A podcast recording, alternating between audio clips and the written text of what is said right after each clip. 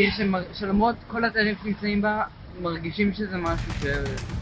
זה פעם בדור, כאילו, מפגשים בעיר כזו. היי, אני מורדי, והיום אנחנו נדרג את חמשת המקומות המפתיעים ביותר בעולם. לפני שנצא לדרך, אל תשכחו לעשות לייק לדף של שימו לב, ועקבו אחרי הפודקאסט, שימו לב, בכל אפליקציות ההסכתים, כדי לקבל את הסיפורים המפתיעים ביותר. על האנשים שלא בטוח שהכרתם. במקום החמישי אנחנו עם קזחסטן, ובמיוחד עיר הבירה שלה, אסטנה, שנקראת היום נור סולטן. עיר הבירה שנבנתה על ידי הדיקטטור של קזחסטן היא ממש לונה פארק לאדריכלים. הרחובות אמנם ריקים לחלוטין, אבל להסתובב שם בתור תייר זו חוויה שמעוררת גם התפעלות וגם רחמים. מצד אחד, וואו, מצד שני, כל הפאר הזה ואף אחד לא נהנה ממנו. במקום הרביעי אנחנו עם גואטמלה. יחסית למדינות אחרות במרכז אמריקה, גואטמלה היא המדינה האנדינית ביותר. החוויה שמה היא אשכרה אותנטית, וכך גם קלקולי הקיבה. במקום השלישי אנחנו עם בוליביה.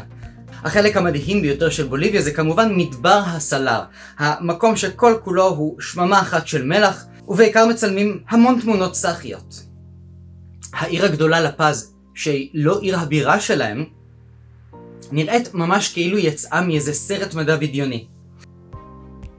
מצד אחד ניתן לראות ברחובות את הצ'ולות בלבוש המסורתי, מן הצד השני ניתן לראות באופק אין ספור קרונות של רכבל, מה שנקרא טלפריקו.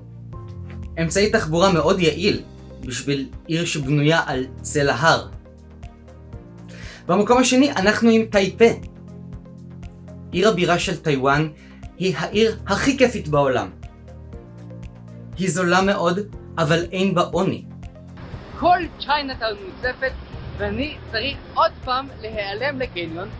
אנשים מחייכים ותמיד שמחים לעזור. זו כאילו החוויה ההפוכה לגמרי מביקור בסין. בין שלל האטרקציות תוכלו למצוא מסעדה שהיא כל כולה בנויה בצורה של שירותים, או מקום מלבב קצת יותר, וזו מסעדת הבופה הטבעונית הגדולה ביותר בעולם. במקום הראשון אנחנו עם אלבניה. כמובן שאני משוחד, אבל אלבניה זה מקום קסום. עם או בלי השאריות מהשלטון הקומוניסטי שפרוסות בכל המדינה. אלבניה פשוט גורמת לאנשים להרגיש שייכים. אין לי איך להסביר את זה, זה פשוט מקום שנותן תחושה של בית. מה המקום הכי מפתיע שאתם ביקרתם בו? כתבו לי בתגובות.